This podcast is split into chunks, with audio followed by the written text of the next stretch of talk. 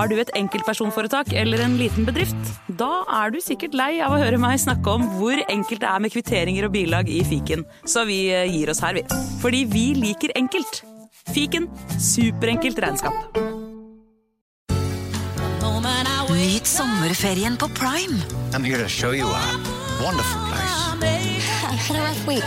Opplev spennende turer. Så kan dette bli veldig farlig. Finn sommerkjærligheten. You're like a Coachella. Hi. Hi. Se på Fallout, Furia eller The Idea of You. Okie dokie.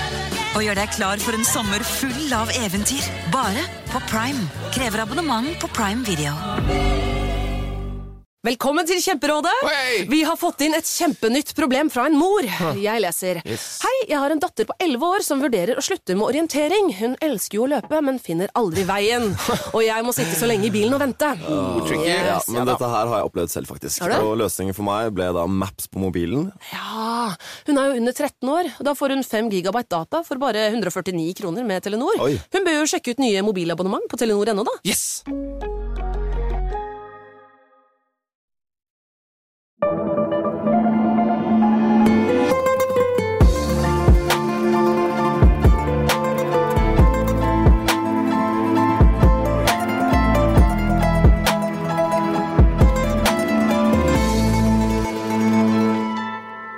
og velkommen til en ny episode av Gangsterpodden. Mitt navn er som alltid Jim Fosheim. Og mitt navn er Morten Galaasen. Hei, Morten. Hei. Vet du hva vi blir spurt om sånn regelmessig i eh, sosiale medier? Gjerne i DM-format. Ja, det veit jeg veldig godt, fordi jeg er jo ansvarlig for eh, Historiepodden Norge på Instagram. Og der er det ikke helt uvanlig at det dukker opp en melding som spør Hei, hvor har dere vært de siste par ukene? Hvorfor kommer det ikke episode? Og det samme gjelder jo Gangsterpodden og Historiepodden og veldig mange andre podkaster, men svaret er til dere som tenker sånn, og som lurer på hvor har Gangsterpodden vært nå de siste tre ukene, forresten, hvis du sitter og hører på i Spotify og iTunes, det er at vi kommer ut hver eneste uke. Men i en app som heter Untold. Det er helt riktig, og er du Apple-bruker sånn som meg selv, så går du bare inn på AppStore, skriver Untold, og så dukker det opp en rosa app. Og Når du får opp denne rosa appen, så trykker du download, og har du ikke gjort dette tidligere, så får du da faktisk første måneden helt gratis. Ja, og Android-brukere kan gjøre akkurat det samme, men bruke Google Play Store i stedet for AppStore. Og er du blant de som kanskje er Google- eller Apple-brukere, men som ikke orker dette her? Ja, Så fins det en løsning for deg også. Eh, Nå sa du det godt. Ja. Da går du inn i browseren, og så skriver du da untold.app, så gjør du noe av det samme, Mm. og så får du da tilgang på eh, å høre Gangsterpodden, Historiepodden, Historiepodden andre verdenskrig. Og fryktelig mye mer. Eh, Hvis man vil ha flere podkaster med oss to, så finnes det bl.a. noen eh, spesialserier der inne, som ja. bl.a. Ukrainas turbulente historie og samlinga av Japan. Og hvis man eh, har fått nok av oss etter å ha hørt på Gangsterpodden, Historiepodden og Historiepodden VV2, så finnes det fryktelig mange andre podkaster man kan høre på også. Blant annet så hører jeg mye bra ting om uh, henrettelsespodden. Ja, Ja. eh, Jeg er veldig glad i flymodus, jeg.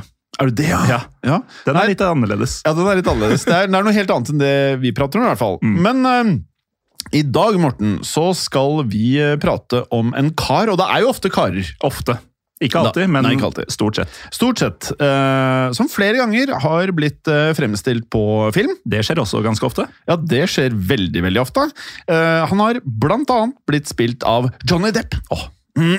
Og da tror jeg mange sikkert vet hvem vi sikter til, hvis du da er blant de som ikke ser hva som står i episodebeskrivelsen. Eh, og filmen heter Black Mass. Yes. Men så har også Jack Nicholson latt seg inspirere av eh, dagens eh, mann i en film som heter eh, The Departed, laget av eh, Martin Scorsese. Ja, den er ikke verst, altså. Nei, Den er ganske ok. Den vant vel Oscar eh, også. Ja. Ja. Um, og mannen vi snakker om i dag, han heter eh, James Joseph Bolger jr. Ja. Men han er egentlig best kjent som Whitey Bulger. Så vi kommer bare til å omtale han som eh, Whitey heretter. Og Whitey han var en eh, irsk-amerikansk mafiaboss som holdt til i byen Boston.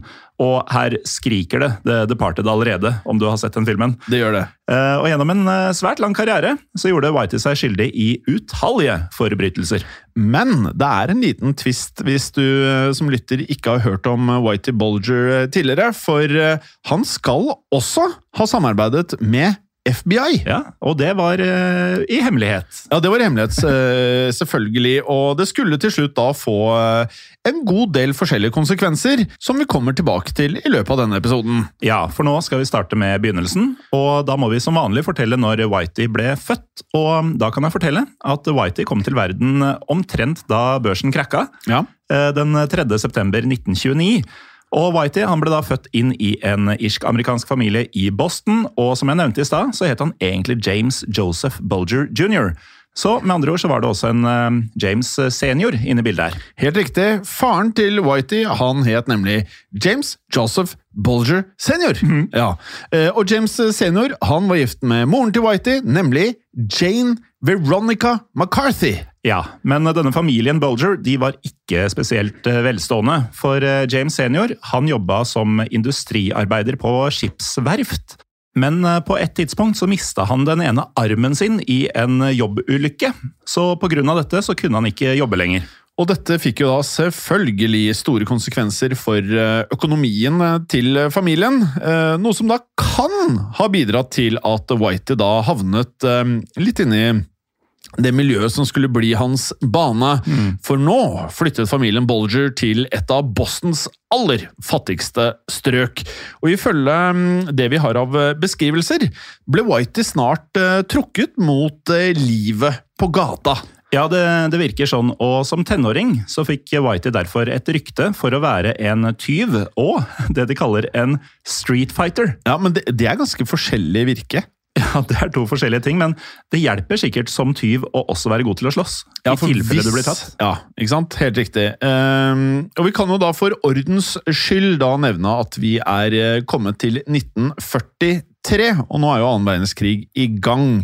Eh, Whitey var på dette tidspunktet da omkring 14 år gammel, og som street fighter så hadde han angivelig for vane å gå med uh, og det her har jeg, har jeg vel ikke hørt om tidligere i denne podkasten? Nei, det som kommer nå er noe jeg ser for meg at uh, sånne bar brawlers, altså folk som slåss uh, på, på barer i Ja. sørstatene, kanskje går med. Ja, eller bare over hele USA 100 år tidligere.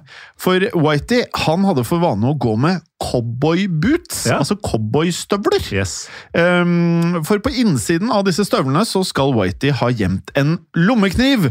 Og første gang jeg leste dette, her, så tenkte jeg at det var primært for å sp tuppe Altså, jeg regner med at det er ganske spiss tupp på disse bootsene. Ja, for du har sett mye James Bond. Ja, Den der eh, spissen som Ja. stikker ut av eh, støvla til disse hjelperne For- til uh... For i Spekter, hun derre ja. hun har jo Hun bare klapper eh, støvlene inntil hverandre, og så kommer det en sånn eh, springkniv ut av booten. Og der finnes det ikke noe motgift. Nei, det er ikke noe Nei. Nei. Eh, og det virker da som om eh, Whitey ikke var fremmed for å bruke denne kniven eh, som han hadde i støvlene, men den var ikke satt fast på den måten du tenkte, Jim. Nei. Um, han brukte den på mer um, tradisjonelt vis. Men jeg tenker samtidig, du kunne jo egentlig hatt denne kniven hvor som helst. Det er sant. Ja. Men uh, hvis du blir stoppa av politiet mye og patted down, uh, hva man heter, kroppsvisitert, Altså, uh, frisked. ja, så kjenner de kanskje ikke på innsiden av eh, støvlene. Ja. Og da merker de ikke at du har kniv på deg. Nettopp. Men eh, uansett, da, på denne tida så ble Whitey med i en lokal irsk-amerikansk gjeng. Og denne gjengen de kalte seg The Shamrocks. Eh, veldig irsk. The Shamrocks. The Shamrocks. Og som medlem i The Shamrocks så deltok Whitey i det som beskrives som assault, forgery and armed robbery. Det høres knallhardt ut, spør meg, da, men assault, altså angrep på norsk, blir det Ja, ikke det? Altså, du, du driver med angrep? Angrep, forfalskning og um, væpnet ran. Ja, det Ja. Så han er jo alle tenåring her, og begynner allerede da å bli en hardbarka kriminell. Og så I likhet da med mange mange andre hardbarkede kriminelle, så ville jo da Whitey ha sitt eget kallenavn, Morten. Og da ville Whitey egentlig bli kalt for Boots. Ja, Jeg tror jeg veit hvorfor. Ja, det tror jeg du vet, for det er jo så enkelt som at det var fordi han gikk med disse cowboybootsene. Ja, Men dessverre for Whitey så så folk han heller i øynene enn ned på føttene, så det var først og fremst det blonde håret hans som ble lagt merke til av andre. Så til tross for at han gikk med disse cowboystøvlene, så fikk han i stedet Whitey som kallenavnet sitt, og det var under dette navnet at han gikk inn i historiebøkene som en av de mest beryktede mafiabossene i USA. Jeg tenker du skal ha ganske blondt hår før du blir kalt Whitey og ikke Blondie. Ja, det høres jo nesten mer ut som en tidlig sølvrev, altså at håret har blitt hvitt. Ja. Men i likhet da med, ja, må vel nesten si alle i gangsterpodden som vi har pratet om tidligere, så man er liksom ikke gangster før man blir arrestert. Nei, det er, det er en første gang for alle. Ja, det er det. Og første gangen til Whitey, det var i 1947. Altså året han ble 18 år gammel. Helt riktig, og i løpet av dette året så ble han da pågrepet og tiltalt for nettopp tyveri. Eh, og nå vet vi ikke akkurat hva Whitey skal ha stjålet eh, for eh, denne dommen, men eh, uansett hva det var, så var det ikke snakk om småsaker. For Whitey han ble da dømt til å sone et helt år bak murene til en eh, straffeanstalt for ungdommer. Ja, og um, han hadde ikke fylt 18 år ennå, så han var bare 17. Um, så nå håpa det amerikanske rettssystemet at uh, denne ungdomsanstalten skulle få skikk på unge Whitey Bulger, men um, som oftest i Gangsterpodden så funker jo ikke tidlig rehabilitering helt som de planlegger, Jim. Men han ble ikke helt eh, rehabilitert, Nei. eh, selv om han ble løslatt i 1948. Og så vervet han seg til det amerikanske flyvåpenet. Men i løpet av eh, tiden som han tjenestegjorde, så havnet Whitey ofte i konflikter med andre soldater. Som også gikk så langt som til at det ofte endte i slåsskamper. Med denne gamle streetfighteren fra gata. Ja, og jeg kan tenke meg han eh, Det var noen salver han eh, delte ut, altså. Ja, jeg tipper han ikke tapte alle de slåsskampene. Jeg tror ikke heller. Eh, Og på grunn da, av alle disse slåsskampene, så havnet han også i da militærarrest ved flere anledninger. Ja, og en av gangene som Whitey ble arrestert, så var det ikke pga. slåsskamp, men fordi han var absent without leave. Ja. Med andre ord så hadde han tatt tjuvperm, stikket fra leiren uten tillatelse. Og det er vel der jeg kanskje identifiserer meg mest med Whitey. Det er vel det eneste av de tingene han gjør som jeg kunne kanskje vurdert Ja. å gjøre selv. Og egentlig bare fordi du ikke hadde hatt lyst til å være i militæret. Ja, hovedsakelig. Ja. Ja, Samme her. Eller i ettertid så angrer jeg faktisk på at jeg ikke dro i militæret, men jeg tror ikke jeg hadde passet i militæret. Nei. Derav tror jeg også jeg kunne havnet i en lignende situasjon. Ok. Men uansett så skjønner kanskje lytterne nå hvorfor militærkarrieren til Whitey eh, skulle ende tidligere enn han hadde tenkt. Nei, for i 1952 så ble Whitey kastet ut av militæret, og han var nå blitt 23 år gammel, og han vendte da snart hjem igjen til Boston, der han gikk rett tilbake til livet som eh, kriminell, da. Ja, Men heller ikke dette skulle gå spesielt eh, bra, for i 1956 så ble Whitey dømt for å ha rana en bank, og da fikk han en knallhard straff hjem. For Whitey han ble dømt til å sone 25 år i fengsel. Og det kan jo motivere folk til å kanskje være litt medgjørlige på ting. Ja, kanskje tenke alternative måter å betale samfunnet tilbake på? Ja, for eh, vi kan jo nevne da at han sonet jo ikke 25 år. Han gjorde ikke det, men i løpet av tida Whitey tilbrakte i fengsel, så skal det ha skjedd noe meget spesielt med han, og det må vi si litt om før vi går videre. For eh, da Whitey havna i fengsel, så måtte han først sone i et fengsel i Atlanta i delstaten Georgia. Og her foregikk det litt uh, merkelige ting. Veldig merkelige ting. Vi har jo tidligere hatt en egen episode om eh, noe av dette i Historiepodden, Morten. Eh, og den handlet om MK Ultra. Ja. Og MK Ultra det var et uh, såkalt mind control program. uh, og jeg anbefaler egentlig alle lytterne å ta seg og høre på den episoden. Det er nesten du ikke tror det er sant. Nei, den het vel MK Ultra, hvis jeg husker riktig. det. Og det her ble jo da utført av CIA. Og kanskje noe overraskende i ettertid, eh, Morten, så varte dette programmet kjempelenge. Ja. Helt fra 1953 til omkring 1972. Ja, det er fra en fødsel til en russetid i Norge. Ja, det er helt riktig. Eh, Og målet eh, for dette her, det var da å undersøke hvorvidt det var mulig å hjernevaske mennesker ved hjelp av hypnose og psykedeliske stoffer. Ja, og nå skal vi ikke gå for mye inn på MK Ultra i dag, for det har vi som sagt gjort i Historiepodden tidligere, men vi kan jo understreke at eh, forsøkspersonene ofte var eh, intetanende folk som ble nærmest lurt til å delta. Og disse forsøkspersonene, Morten, de skulle gjennom både det ene og det andre. Ja. For eh, blant tingene de aller fleste ble utsatt for, var nemlig elektrosjokk og også hypnose. De ble også gitt enorme mengder med LSD, og også da andre psykedeliske stoffer. Ja, og her virker det som at Whitey fikk noen doser av denne behandlinga. Ja, det var, virker som det ble flere doser, for ifølge Whitey så fikk han eh, tilbud om å delta i eh, et forskningseksperiment mens han da satt i fengsel. Og når du har 25 år foran deg i fengsel, Morten, Morten, så eh, er det jo klart at eh, det er mye som høres greit ut. Ja, jeg tenker, hva har du å tape på å spille på lag? Ja, ikke sant? For Whitey han ble fortalt at målet for eksperimentet det var rett og slett å finne en kur mot schizofreni. Og dersom Whitey og noen av medfangene hans da deltok, så ble de lovet en redusert straff.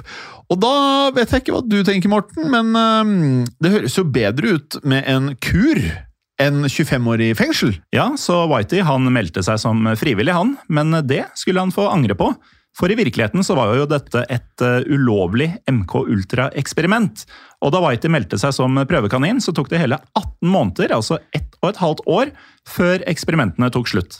Men nå vet vi jo ikke nøyaktig hva Whitey måtte gjennom i uh, perioden her. Nei, men vi forstår det sånn at uh, han uh, fikk store mengder med LSD. Og noen kan jo kanskje sette pris på det, andre ikke. Andre ikke, og mengde er kanskje stikkord her, for dette påvirka tydeligvis Whitey ganske kraftig. For i dagbøkene sine så skrev Whitey at han begynte å høre stemmer. Det er ikke optimalt. Nei, i hvert fall ikke når du skal finne en kur mot schizofreni. Og så får du heller symptomer på schizofreni Det er av dette. optimalt. Og han beskrev senere deltakelsen sin i eksperimentene som marerittaktig. Ja. Nei, det hørtes ikke veldig bra ut, det, men eh, det var ikke det eneste. For i tillegg til det du nevnte, så beskrev Whitey eksperimentene på følgende måte.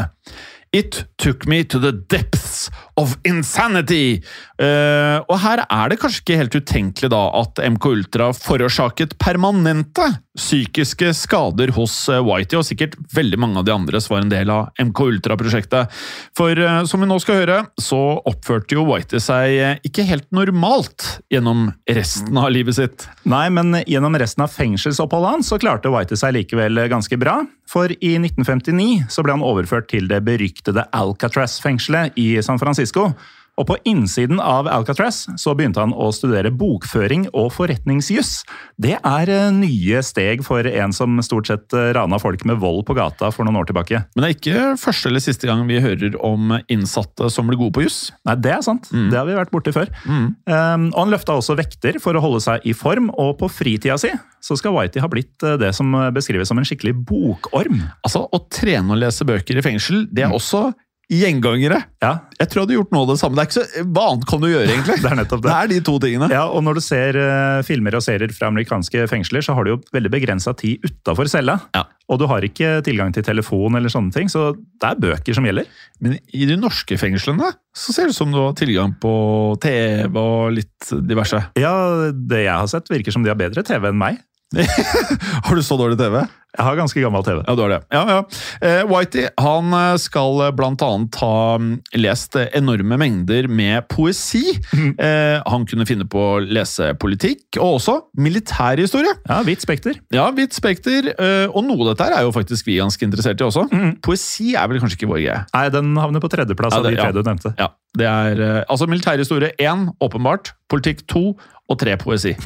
Eh, og på den måten så ble jo da Whitey relativt eh, smart og belest, samtidig som han eh, fremsto da som en mønsterfange. Ja, og takket være alt dette her, så slapp Whitey ut av fengsel før tida. For i 1965 så fikk han innvilga prøveløslatelse. Og med det så ble han løslatt etter å ha sona bare ni av de 25 åra han ble dømt til. Og Whitey var nå 35 eller 36 år gammel, og det skulle gå 46 år før han ble arrestert på nytt. Hadde du tatt eh, 9 av 25 år eh, med LSD og alt det som skjedde der, eller hadde du tatt 25 år? Eh, han visste jo ikke om LSD-en og alt det som skulle skje. Eh, hadde jeg ikke visst det, så hadde jeg tatt eh, ni år, selvfølgelig. Hvis du hadde visst det. Da tror jeg nesten jeg hadde sittet stille i båten og bare fortsatt å oppføre meg ordentlig, og håpe på å slippe ut etter 12 eller 13 eller 14. Jeg tror jeg hadde gjort det, altså. Men eh, Morten, Whitey, han eh, visste ikke hva han gikk til, han, og eh, han gikk for 9 av 25 år. Og så, når han da ble løslatt, så flyttet han hvor da, tror du? Jeg tipper vi snakker Massachusetts, New England et sted. Ja, he went back to Boston. Mm. Eh, og med det så begynte han å arbeide som vaktmester, og også bygningsarbeider. Ja. Og det kan være overraskende for noen. Ja, nå har han jo lest såpass mye eh, tungt fag Ja. at uh, man skulle tro han kanskje fant seg et annet stykke arbeid. Ja, Men det gjorde han ikke. Nei. Eh, men eh, vaktmester- og bygningsarbeideryrkene de varte ikke lenge, for snart så begynte Whitey å jobbe for Donald Killeen. Ja, Og da var det ikke snakk om en eh, vaktmesterjobb, Jim. For Donald Killeen han var nemlig en irsk-amerikansk mafiaboss som vi begge uttalte på veldig skotsk. Ja. Ja. eller egentlig eh, Killeen. Killeen Killeen Ja. Killeen. Killeen. Ja. Eh, sammen med brødrene sine, Kenny og Billy Killian Ja. så leda Donald gjengen som het The Killians. Ja, og The Killians var hovedsakelig aktive i eh, den sørlige delen av eh, Boston. Og på 1960-tallet, Morten, så var det The Killians svært aktive, kan jeg fortelle deg. For gjengen de kontrollerte nemlig det som eh, har blitt beskrevet som loan sharking, bookmaking and numbers. Ja, og i sum så blir dette snakk om eh, ulovlig gamblingvirksomhet. Det er helt riktig. Og nå begynte Whitey da å jobbe som lånehai for Donald Killen. Så Whitey han ble med andre ord da tungt innblandet i det som hadde med gamblingvirksomheten av mafiaen å gjøre. Ja, men ikke lenge etterpå fikk Whitey nye arbeidsoppgaver, for i 1971 så brøt det ut en gjengkrig i Sør-Boston. Og denne krigen den ble utkjempa mellom The Killeens og den rivaliserende gjengen The Mullen Gang. Og det som starta denne krigen, var visstnok en krangel mellom Kenny Killeen og et medlem av The Mullen Gang som het eh, Mickey Dwyer. Og slik vi forstår det, så havna Dwyer i clinch med Kenny Killeen på en lokal kafé. Og de gutta her, de var harde, Morten. Så Ja. dette her ble blodig. Ja, for når vi sier han gikk i clinch, så det er verre enn det høres ut. Ja da, for her skal Kenny ha Altså, det er nivåer av å være hard. Én ting er hvis du gjør et eller annet for å tjene noe penger, altså at du raner en bank, og at de plutselig ender opp med å skyte en politibetjent eller noe sånt. Mm. Men eh, dette er hardt, for eh, eh, vi forstår det slik at Kenny han skal ha bitta nesetuppen til Dwyer. Ja, og igjen da, Dette skjedde på en kafé, Ja. og, og det gjør det jo veldig ofte når vi snakker om attentater. og sånn, Men husk at på et tidspunkt når du sitter på en kafé, Ja. så sitter du der i fred og ro og drikker en kaffe og kanskje spiser en bagel, eller noe sånt, Noen gjør det. og sekunder seinere så biter du av nesetuppen på en fyr. Det, og tenk deg vitnet noe sånt, da. Eh, og Dwyer han endte jo selvfølgelig på et sykehus, han, i eh, lokalområdet. Men eh, dessverre så fikk han ikke nesetuppen med seg i ambulansen, for etter alt å dømme så stakk Kenny av med den delen av nesen hans. Og det er jo litt dumt. Ja, det, det er jo ikke helt eh, vanlig. Nei. Men Kenny han eh, skulle snart få roa seg litt ned, og da ble han mer medgjørlig. For eh, ut fra det vi veit, så pakka Kenny etter hvert eh, denne nesetuppen inn i en cocktailserviett. Ja. Og så ba han en taxisjåfør om å frakte nesa til sykehuset der Dwyer lå innlagt. Ja. Eh, Så på denne måten så fikk legene til slutt da sydd nesa til Dwyer på igjen. Men til tross da for at Dwyer fikk nesetuppen tilbake, så gikk The Mullen Gang til krig mot The Killeens. Og da krigen brøt ut, Morten, så fikk White i oppgave å drepe Mullen-medlemmet Paul McGonagall. Men det å drepe Morten, det er ikke noe man nødvendigvis har eh, gjort før. Nei. Nei, alle har jo ikke det. Nei, og Whitey hadde, så vidt vi veit, ikke gjort det ennå. Helt riktig. Og med det så gikk ikke dette attentatforsøket, hvis vi kan kalle det helt som planlagt. For han var svært urutinert. Ja, og det forklarer kanskje hvorfor Whitey drepte feil McGonagall. For nå presterte Whitey å ta livet av broren til Paul McGonagall, nemlig Donald McGonagall. Og eh, alt tyder på at Donald ikke var kriminell i det hele tatt, for det som fins av beskrivelser om han, går på at han egentlig bare var en hyggelig fyr. Ja, det, det er faktisk sånn at folk har gjort seg flid i å beskrive han faktisk som en hyggelig type. Ja. Eh, og dette ble da senere forklart av en av eh, mafiavennene til Whitey. Og navnet hans det var Kevin Weeks. Eh, Weeks som i uker. Eh, og Weeks han sa følgende om eh, dette drapet.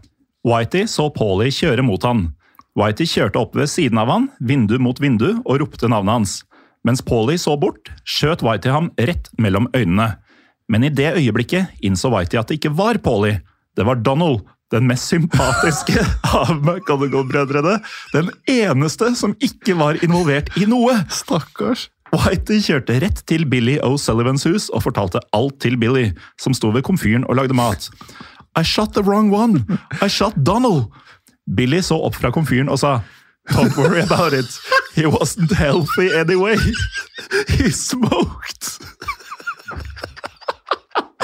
Og dette, dette her er sånn du kunne ikke funnet opp. Ja, men han er ikke ferdig, han eh, Billy, med å relativisere drapet på denne helt uskyldige Donald. Eh, For som sagt, he smoked. He would have gotten lung cancer anyway. How do you want your pork chops? Og dette her er jo ehm, Det er vanskelig å ikke se noe Mye av dette er jo trist. Det er vanskelig å ikke se noen form for humor i dette her. Ja, Det er det som er så rart med disse podkastene. at det, det er en brutal og kjempetrist eh, skjebne, dette her. Ja. Men det er altså så absurd Ja, er at absurd. Vi, vi greide ikke å ikke se humoren i det. Eh, Nei, det her er vanvittig. Eh, Vi kan jo for ordens skyld da legge til at denne Billy O'Sullivan eh, tilhørte da ledergruppen, eller var i ledersjiktet i The Killians. Og ut ifra det vi vet, Morten, så var Billy en slags eh, mentor for Whitey. Ja, og Whitey syntes tydeligvis da ikke at det var så farlig at Whitey hadde skutt feil McGonagall. Nei, men Billy burde nok ha vært uh, langt mer bekymret. For i tiden som fulgte, så ble Paul McGonagall overbevist om at Billy hadde beordret drapet på Donald McGonagall. Og derfor så bestemte Paul seg for å hevne seg på Billy, og den 28. mars 1971 ble Billy og Sullivan skutt og drept av Unidentifiable Mullen Gang Members, på norsk uidentifiserte Mullen-gjengmedlemmer. Ja, og det skulle gå dårligere og dårligere etter dette for The Killians, for i 1972 så ble både Donald og Billy Killian skutt og drept av The Mullen Gang, og da frykta jo Whitey at eh, han kunne bli det neste offeret. Så nå pressa Whitey på for at restene av The Killeens skulle slutte fred med The Mullen Gang. Han gjorde det, så kort tid etter da, så ble det avtalt en såkalt sit-down mellom The Mullen Gang og The Killeens. Og møtet det fant sted på en nattklubb i Boston, og The Killeens ble representert av Whitey Bulger.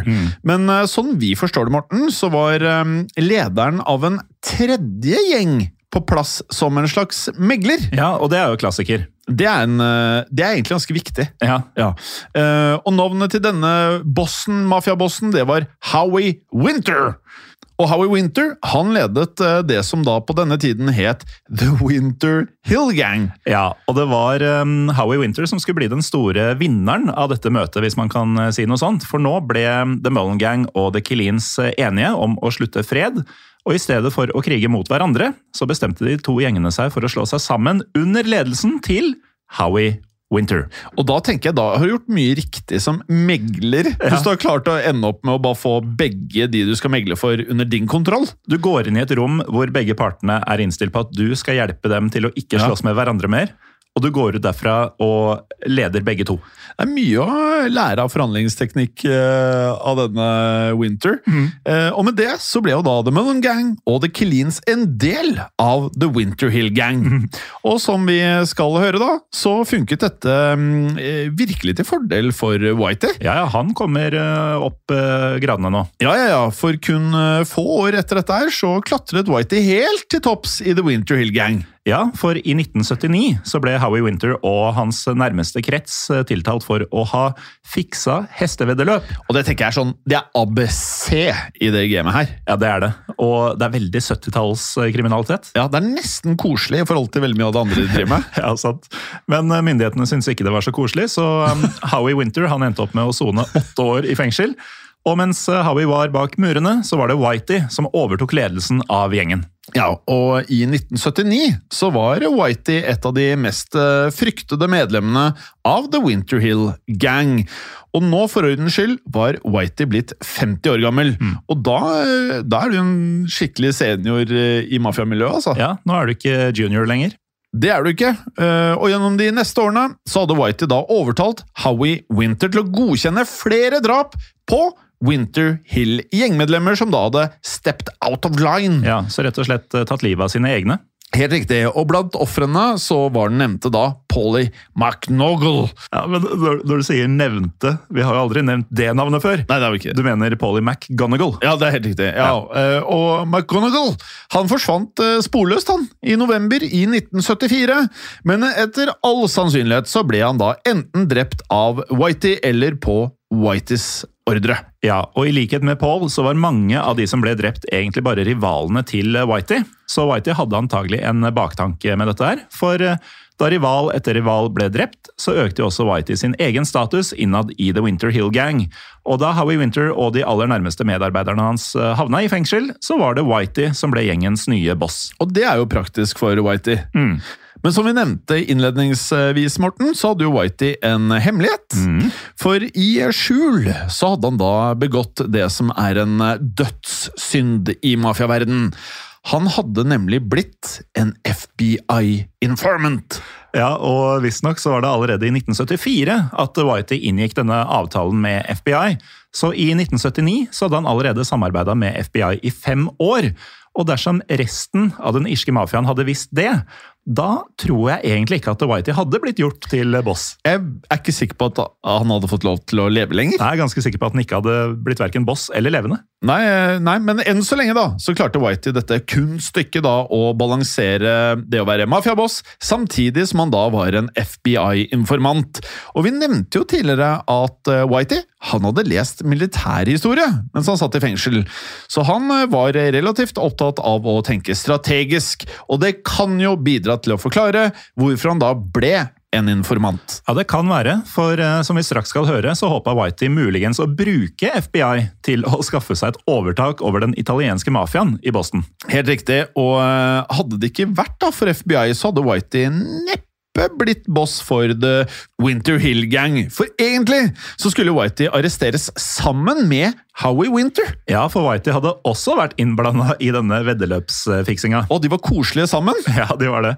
Men eh, siden Whitey allerede var informant, så grep eh, kontaktpersonen hans i FBI inn for å hindre at eh, Whitey ble arrestert. Og denne kontaktpersonen det var for øvrig en FBI-agent ved navn John Connolly. Han høres irsk ut, han òg. Ei, lad. Og utrolig nok så var Connolly en barndomsvenn av Whitey. Noe som antageligvis kan bidra til å forklare hvorfor Connolly da var noe mer sympatisk innstilt mot Whitey enn hva han kanskje burde ha vært. Ja, men eh, verre skulle det bli, for eh, snart så begynte Connolly å hjelpe Whitey på mer aktivt vis. Blant annet ved at han ga Whitey tilgang på hemmelig FBI-informasjon. Ja. Og takket være da Connolly og FBI så klarte da Whitey å ligge et steg foran både politiet og rivalene innenfor mafiaen. For på denne tiden så var FBI angivelig langt mer opptatt av den italienske mafiaen enn den irske mafiaen. Og siden The Winter Hill Gang var blant rivalene til den italienske mafiaen i Boston, så brukte Whitey FBI til å skaffe seg overtak over de lokale italienerne. Ja, og denne tankerekka til Whitey den oppsummerte John Connolly senere på denne måten. The mafia was going against Whitey, so Whitey went against them. Ja, det er godt sagt, det, da. Men uh, det var ikke bare Whitey som var blitt uh, FBI-informant, Morten. Nei. For Whitey han hadde nemlig en såkalt enforcer ved navn Stephen Flem. Eller uh, Stephen Flemmy, hvis man skal snakke normalt. Ja. og nå samarbeidet da Whitey og Flemmy med FBI sammen. Ja, og Flemmy kom senere med denne uttalelsen. Me and Whitey gave the feds shit, and they gave us gold. Så etter alt å dømme da, så fikk FBI egentlig ikke så mye verdifull informasjon av eh, Whitey. Nei, men Whitey fikk tydeligvis verdifull informasjon i retur fra Connolly. Og denne informasjonen den brukte Whitey til å unngå oppmerksomhet fra myndighetene, noe som bidro til at mafiavirksomheten til Whitey den gikk bedre enn noen gang før. Så Whitey han tjente gode penger nå. Han gjorde det, men mer penger skulle det bli. For på 1980-tallet så blandet Whitey seg inn i narkotikabransjen. Og han begynte da nemlig å um, Altså, han var en utpresser av lokale narkotikadistributører, blir det sagt da. Og på denne måten så skaffet han seg en fast del av overskuddet fra det meste av narkotikahandelen i Boston. Og da prater vi store penger. Da snakker vi penger, og en andel av disse pengene brukte Whitey eh, på noe helt spesielt. For eh, som vi veit, så var jo Whitey en irsk-amerikaner, og derfor sympatiserte Whitey med The Irish Republican Army. Også kjent som IRA. Ja, og på denne tiden så drev IRA en væpnet kamp for å løsrive Nord-Irland fra Storbritannia. Så IRA de trengte derfor store mengder med våpen, og det var ikke Whitey fremmed for å gi bort, uten at de trengte å betale retur. Nei, for nå brukte Whitey mye av disse narkopengene til å smugle våpen til IRA. Og her eh, må det ha blitt smugla en god del, for ved en anledning så skal Whitey personlig ha fylt en båt med våpen som skulle til Irland. Og bare i denne ene våpensendinga så ble det frakta, og jeg siterer, 91 rifler, 8 maskinpistoler, 13 hagler, 51 pistoler, 11 skuddsikre vester, 70 000 patroner, i tillegg til en mengde håndgranater og raketter. Altså, Vi vet jo ikke akkurat hva en armé trenger av eh, våpen og pistoler, men det høres jo ut som en relativt stor armé. Ja, det gjør jo det, eh, men han sendte ikke alle våpnene han hadde. Nei, for eh, Whitey han brukte også noen av våpnene sine hjemme i Boston. For i løpet av 1980-tallet så begikk han en rekke drap på rivaliserende mafiamedlemmer. Og i tillegg så var han ansvarlig for drapene på noen av hans egne menn, det er ikke helt ukjent i denne podkasten heller, som han da mistenkte for å ha tystet til politiet. Er ikke det litt ironisk? Ja, det er ganske hyklersk, egentlig. Um, I ett tilfelle så var offeret John McIntyre, og McIntyre han var blant dem som smugla våpen til Irland på vegne av eh, Whitey. Men uheldigvis for McIntyre så ble han arrestert av FBI, og da innrømte McIntyre at det var Whitey som sto bak våpensmuglinga. Ja, men eh, snart så fikk jo da John Connolly nyss i tilståelsen til McIntyre. Og Connolly han var jo da FBI-kontaktperson til Whitey, som vi nevnte. Ja. Og nå fortalte Connolly alt til Whitey, eh, deriblant at McIntyre hadde tystet på han. Du vet, eh, Når man ser eh, filmer og alt mulig fra sånne type opplegg, Ja. Så er det jo den eh, kontaktpersonen i eh, byrået, i dette tilfellet FBI, da, Ja. denne handleren, Ja. det er jo han som skal styre eh, informanten. Her er det jo informanten som styrer alt. Ja, Det er litt annerledes her. Ja. Så da McIntyre ble løslatt, så ble han invitert til et møte med Whitey. Og nå tenker jeg at lytterne har en liten idé om hvor dette bærer. Ja. For møtet det fant sted i et hus i den sørlige delen av Boston. Eh, og hvordan gikk dette? Jo, i dette huset så ble McIntyre ikke overraskende skutt og drept av Whitey. Men etter at drapet var utført, så overlot Whitey oppryddinga til denne Stephen Flemmy. Whitey han gikk opp i andre etasje for å ta seg en lur. Og mens han gjorde det, så måtte Flemmy kvitte seg med liket. Ja, og Dette gjorde Flemmy på hva vi nesten må betrakte som brutalt, eller? Ja, Samtidig som Whitey ligger i etasjen over og sover. Ja, for eh, Flemmy han skal ha brukt en tang til å fjerne tennene til McIntyre.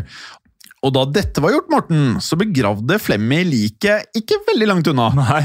For uh, han gravde liket ned i kjelleren til huset, Ja, altså i samme hus som Whitey hadde drept uh, McIntyre. og lå og sov. Og lå og sov over. Og det at han lå og sov over eh, mens dette skjedde, altså det sier kanskje litt om hvor kald Whitey faktisk eh, var. Ikke bare var Whitey kald, men dette sier jo også noe om hvor vanlig dette mest sannsynlig var. At man kunne ta det så med ro at man bare kunne legge seg ned til å sove.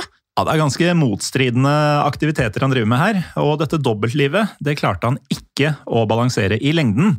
For til slutt så innså de amerikanske myndighetene at Whitey var en av de største mafiabossene i datidens Boston, og da kunne ikke lenger John Connolly beskytte han. Nei, han klarte ikke det, og i 1994 så begynte FBI å forberede en rekke tiltalepunkter mot Whitey. Og Whitey var nå blitt eh, godt voksen, han var nå blitt 65 år gammel. Og det virket som at han eh, snart ville bli pågrepet, men igjen så likte jo John Connolly Whitey altfor godt. Ja. Og nå bestemte Connolly seg for å gjøre Whitey en siste tjeneste. Ja, for Connolly han advarte rett og slett Whitey om at han snart ville bli arrestert. Og med det så visste jo Whitey hva han skulle gjøre, for dette hadde han forberedt seg på i lang tid. Ja, og nå, lyttere, hør på dette. For eh, nevnte Kevin Weeks han skal ha uttalt eh, følgende om eh, Whitey sånn i ettertid. Whitey hadde forberedt seg i årevis. Han hadde etablert en helt annen identitet, Thomas Baxter, med fullstendig ID og kredittkort i det navnet. Han hadde til og med sluttet seg til foreninger i Baxter sitt navn, og bygget en hel portefølje for fyren. Whitey hadde alltid sagt at man måtte være klar til å stikke av på kort varsel, og det var han. Så, på lille julaften, altså 23. desember 1994, så stakk Whitey av. Og nå ble han en vanskelig mann å finne, for gjennom flere år så hadde Whitey jevnt og trutt eh, kjøpt opp et stort antall eh, sikkerhetsoppbevaringsbokser. Og disse var å finne spredt gjennom både Nord-Amerika og Europa, i alt fra Oklahoma til Montreal, Dublin, London og Venezia. Venez! Og på innsida av disse boksene så hadde Whitey gjemt både kontanter, verdifulle smykker og falske pass. Og dette fungerte godt, Morten. For eh, gjennom de neste 16 årene så klarte ikke FBI å spore opp Whitey, Whitey. Og det var til tross for at han da tilbrakte hele tolv år som nummer to på FBIs Top 10 Wanted-list. Ja, og nummer to på den lista eh, Man kan tygge litt på den, og så skal vi sette det litt i eh, sammenheng ved å si hvem som var nummer én på samme liste på samme tid. Ja, for det var en eh, person som de aller fleste har hørt om. Mm, nemlig Osama bin Laden. Ja. Tenk deg å være bare rett bak han, da. Ja, Den eneste i verden FBI vil ha mer has på enn deg, er bin Laden. Ja, Det var ganske vanvittig. Og siden Whitey da sto på denne topp ti-lista, så fikk FBI en rekke tips om at Whitey hadde blitt sett rundt omkring i verden. Han ble nemlig rapportert eh, sett i både London, Uruguay og i Italia, men ingen av disse tipsene bidro til at Whitey ble funnet. Mange følte det vel som at Whitey rett og slett hadde forsvunnet fra jordens overflate her. Ja, og teknikken han brukte her, med alle disse bankboksene og falske passene osv., det er jo sånn CIA gjør det når Ja, de blir brent i forskjellige filmer og serier. Mhm. Så det er, det er høyt nivå. Det er Jason Bourne. Ja, men eh, han hadde jo ikke forsvunnet fra jordens eh, overflate, egentlig. For eh, selv om Whitey lå lavt, så reiste han visstnok iblant til utlandet, men i all hovedsak så holdt han seg hjemme i USA. For gjennom hele 15 år så bodde Whitey hovedsakelig i én og samme leilighet i Santa Monica i California. Og her hadde han slått seg ned sammen med kjæresten sin, Catherine Grieg. Og det var først i 2011 at Whitey og Catherine skulle bli avslørt. Helt riktig, og da var Whitey blitt 81 år gammel. Og til slutt så ble han da gjenkjent av en kvinne ved navn Anna Bjørnsdottir. Anna Bjørnsdottir. Anna Bjørnsdottir! Jeg tror jeg var nærmest, Tim. Jeg tror du har helt rett i det. I 1974 så hadde Anna blitt kåret til Miss Island. Iceland. Miss Island. Ja, det hadde hun. Men nå var hun en av naboene til Whitey i Santa Monica. Og en dag så gikk det opp for henne hvem denne naboen egentlig var. Ja, så den 21. juni 2011 så ringte Anna Bjørnsdottir inn et tips til FBI. Og neste dag, altså den 22. juni 2011, så dukka en gruppe FBI-agenter opp utenfor leiligheten til Whitey. Ja, og da ble til slutt da Whitey endelig tatt der. For nå ble han da lurt ut av leiligheten sin, eh, og så ble han da pågrepet på det som da beskrives som en eh, helt eh, udramatisk måte. Ja, og så gikk FBI-agentene inn i leiligheten til Whitey, og her arresterte de også kjæresten hans, denne Catherine Grieg. Og da agentene dro igjen, så hadde de funnet 10 millioner kroner, 30 skytevåpen og en rekke falske ID-papirer. Jeg skjønner 10 millioner hvorfor du ønsker å ha det, men 30 skytevåpen? Nei, Det høres eh, litt mye ut for disse to. Ja, det er litt mye. Et par Eh, i 80-åra.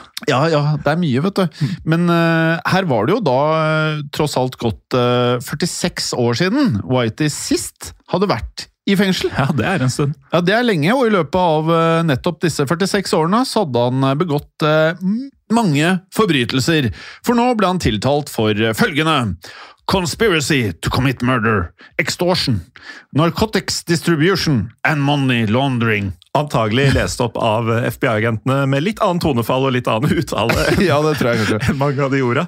Men uh, straffen den skulle ikke bli mild. Mild, nei, for i 2013 så fikk eh, Whitey en dobbelt livstidsdom. Og i tillegg så ble han idømt fem ekstra år på toppen av disse to livstidsdommene. Det virker ganske unødvendig når fyren er i 80-åra, Ja. får dobbel livstid pluss fem år. Ja, det er liksom noe med dette som eh, kanskje virker litt mye. Så derfor så satt jo Whitey i fengsel helt frem til han døde. Ja, og Man skulle jo tro med alderen til Whitey at han døde av alderdom, men det var ikke tilfellet. For eh, mens Whitey hadde vært på rømmen, så kom det ut at han var FBI-informant. Og i fengsel så er jo såkalte tystere de eh, er ikke de mest populære innsatte. Nei, de er veldig upopulære, Morten. Men før vi hører om det som skjedde med Whitey, så kan vi jo kort nevne hvordan det gikk med FBI-kontaktpersonen hans, altså John Connolly. For i 1999 så ble Connolly tiltalt for å ha delt hemmelig informasjon med Whitey. Men Connolly hadde gjort mer enn bare det, for han ble også tiltalt for å ha rett og slett jugd, løyet, i FBI-rapportene sine. Han ble også tiltalt for å ha tatt imot bestikkelser. Og i tillegg så ble Connolly dømt for medvirkning i drapet på John McIntyre. For det var jo bare takket være informasjonen fra Connolly at Whitey fikk vite at McIntyre også hadde tystet. Så det er veldig alvorlig, dette her. Ja. Og derfor så fikk jo Connolly en uh, skikkelig dom, han også, på 40 år. Men tilbake til Whitey, Morten. For uh, 30. oktober 2018 da var Whitey blitt 89 år gammel, og nå sonet han straffen sin i høysikkerhetsfengselet i Hasselton i delstaten West Virginia. Ja, og på folkemunne så er Hazelton kjent som Misery Mountain. Så her var det Det var ikke noen fryd og gammen å sone her. Men på nevnte dag, 30. oktober 2018, så skulle det bli enda mer misery på eh, Whitey, Morten. For nå klarte noen av medfangene til Whitey å komme seg inn i cellen hans. Og vi skal huske på, han er nesten 90 år gammel. Eh, dessverre vet vi ikke helt hvordan dette skjedde, men eh, når det gjelder utfallet, så kan vi jo da avsløre at eh, det endte særdeles eh, stygt. Ja, for Whitey fikk eh, selskap i cella si av to mafiamedlemmer ved navn Fotios Geas og Paul de Cologero. Og Både Geas og De Cologero var fra Boston, og de tilhørte den lokale italienske mafiaen, som på dette tidspunktet anså Whitey som en rat, Ja. altså en tyster. Og for en mafiaboss som var eh, FBI-informant, så var det absolutt ingen nåde å få. Så nå ble James Joseph Bolger jr. tatt av dage på eh, svært brutalt vis. Han ble rett og slett slått i hjel. Men det er spesielt måten han ble slått i hjel på som eh, biter seg fast her. For eh, disse to uh, mafiamedlemmene som skulle ta henne av dage, de hadde rett og slett tatt en hengelås, puttet den inn i en sokk og slått han helt til han døde. Ja, og det er brutalt nok, men dette var ikke alt de gjorde mot uh, Whitey Bulger. For eh, da liket hans ble funnet, så har det blitt beskrevet at uh, begge øynene til Whitey skal nærmest ha vært gravd ut av skallen hans. Og det er heftig. Det er ganske mye. Og en ting som eh, vi ofte har kanskje bitt oss litt merke til i Gangsterpodden, er at eh, mange av de største mafiabossene og de verste kriminelle gjennom tidene, det er ikke alltid at slutten på historien eh, lever opp til det livet de faktisk levde. Nei, altså det er jo eh, mange som bare blir gamle og dør av det, eller eh, altså, Det er veldig antiklimaktisk og Ja. veldig lite i stil til livet, som du nevner. Han her eh, døde som han levde. Ja, og både var han på rømmen, og liksom måten han ble tatt på med disse 10 millionene, 30 våpen, og måten han døde på da, det er, eh, det er nesten sånn du ser for deg hvis du skulle filmatisert en eh, livet til en mafiaboss, så ville det blitt noe sånn som dette. Ja, og apropos filmatiseringer, så har vi jo nevnt et par ting, men vi kan nevne det en gang til. Ja, eh, alle lyttere som er glad i film, glad i mafia og gangstere, så eh, har vi da disse to filmene som vi nevnte tidligere her, nemlig The Departed og Black Mass.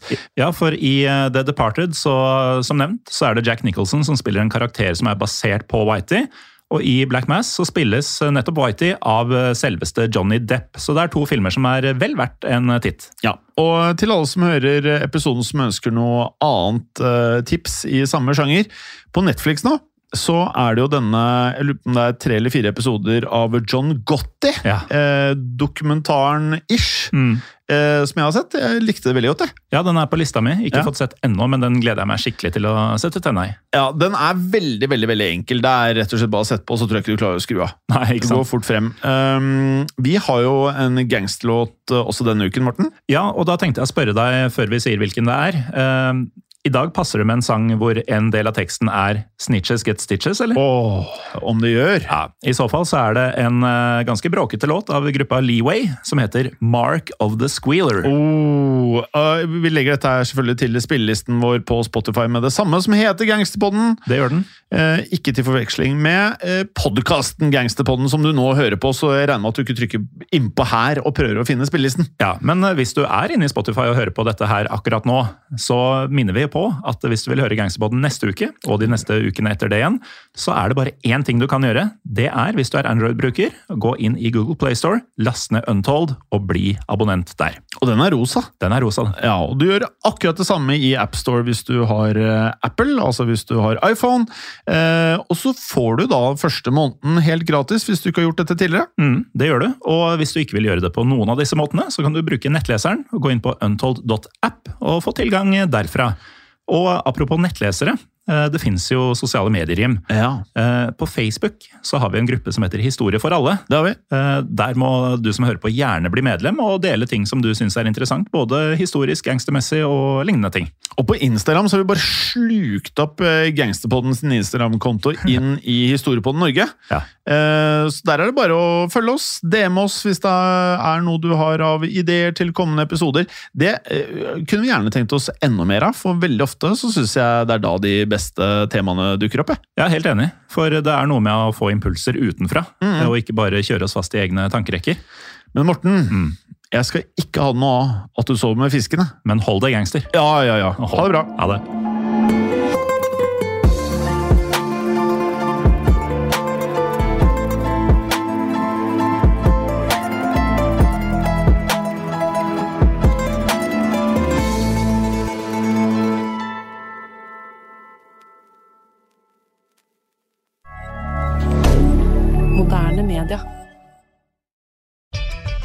Kan kundene dine betale slik de ønsker? Med betalingsløsninger fra Svea øker du sannsynligheten for at kundene fullfører et kjøp, fordi de finner sitt foretrukne betalingsvalg. Svea vår jobb, din betalingsløsning. Enklere, raskere.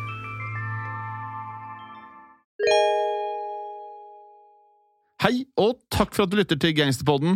Skulle du kanskje ønske du kunne høre en ny episode om gangstere hver eneste uke? Vel, da er det bare å laste ned podkastappen Untold med en gang. I tillegg til ukentlige episoder av podkaster som Historiepodden, Henrettelsespodden og også True Crime-podden, så får du masse annet reklamefritt og også eksklusivt innhold inni Untold. Last ned Untold i AppStore eller Google Playstore, og start din 30 dagers prøveperiode med det samme.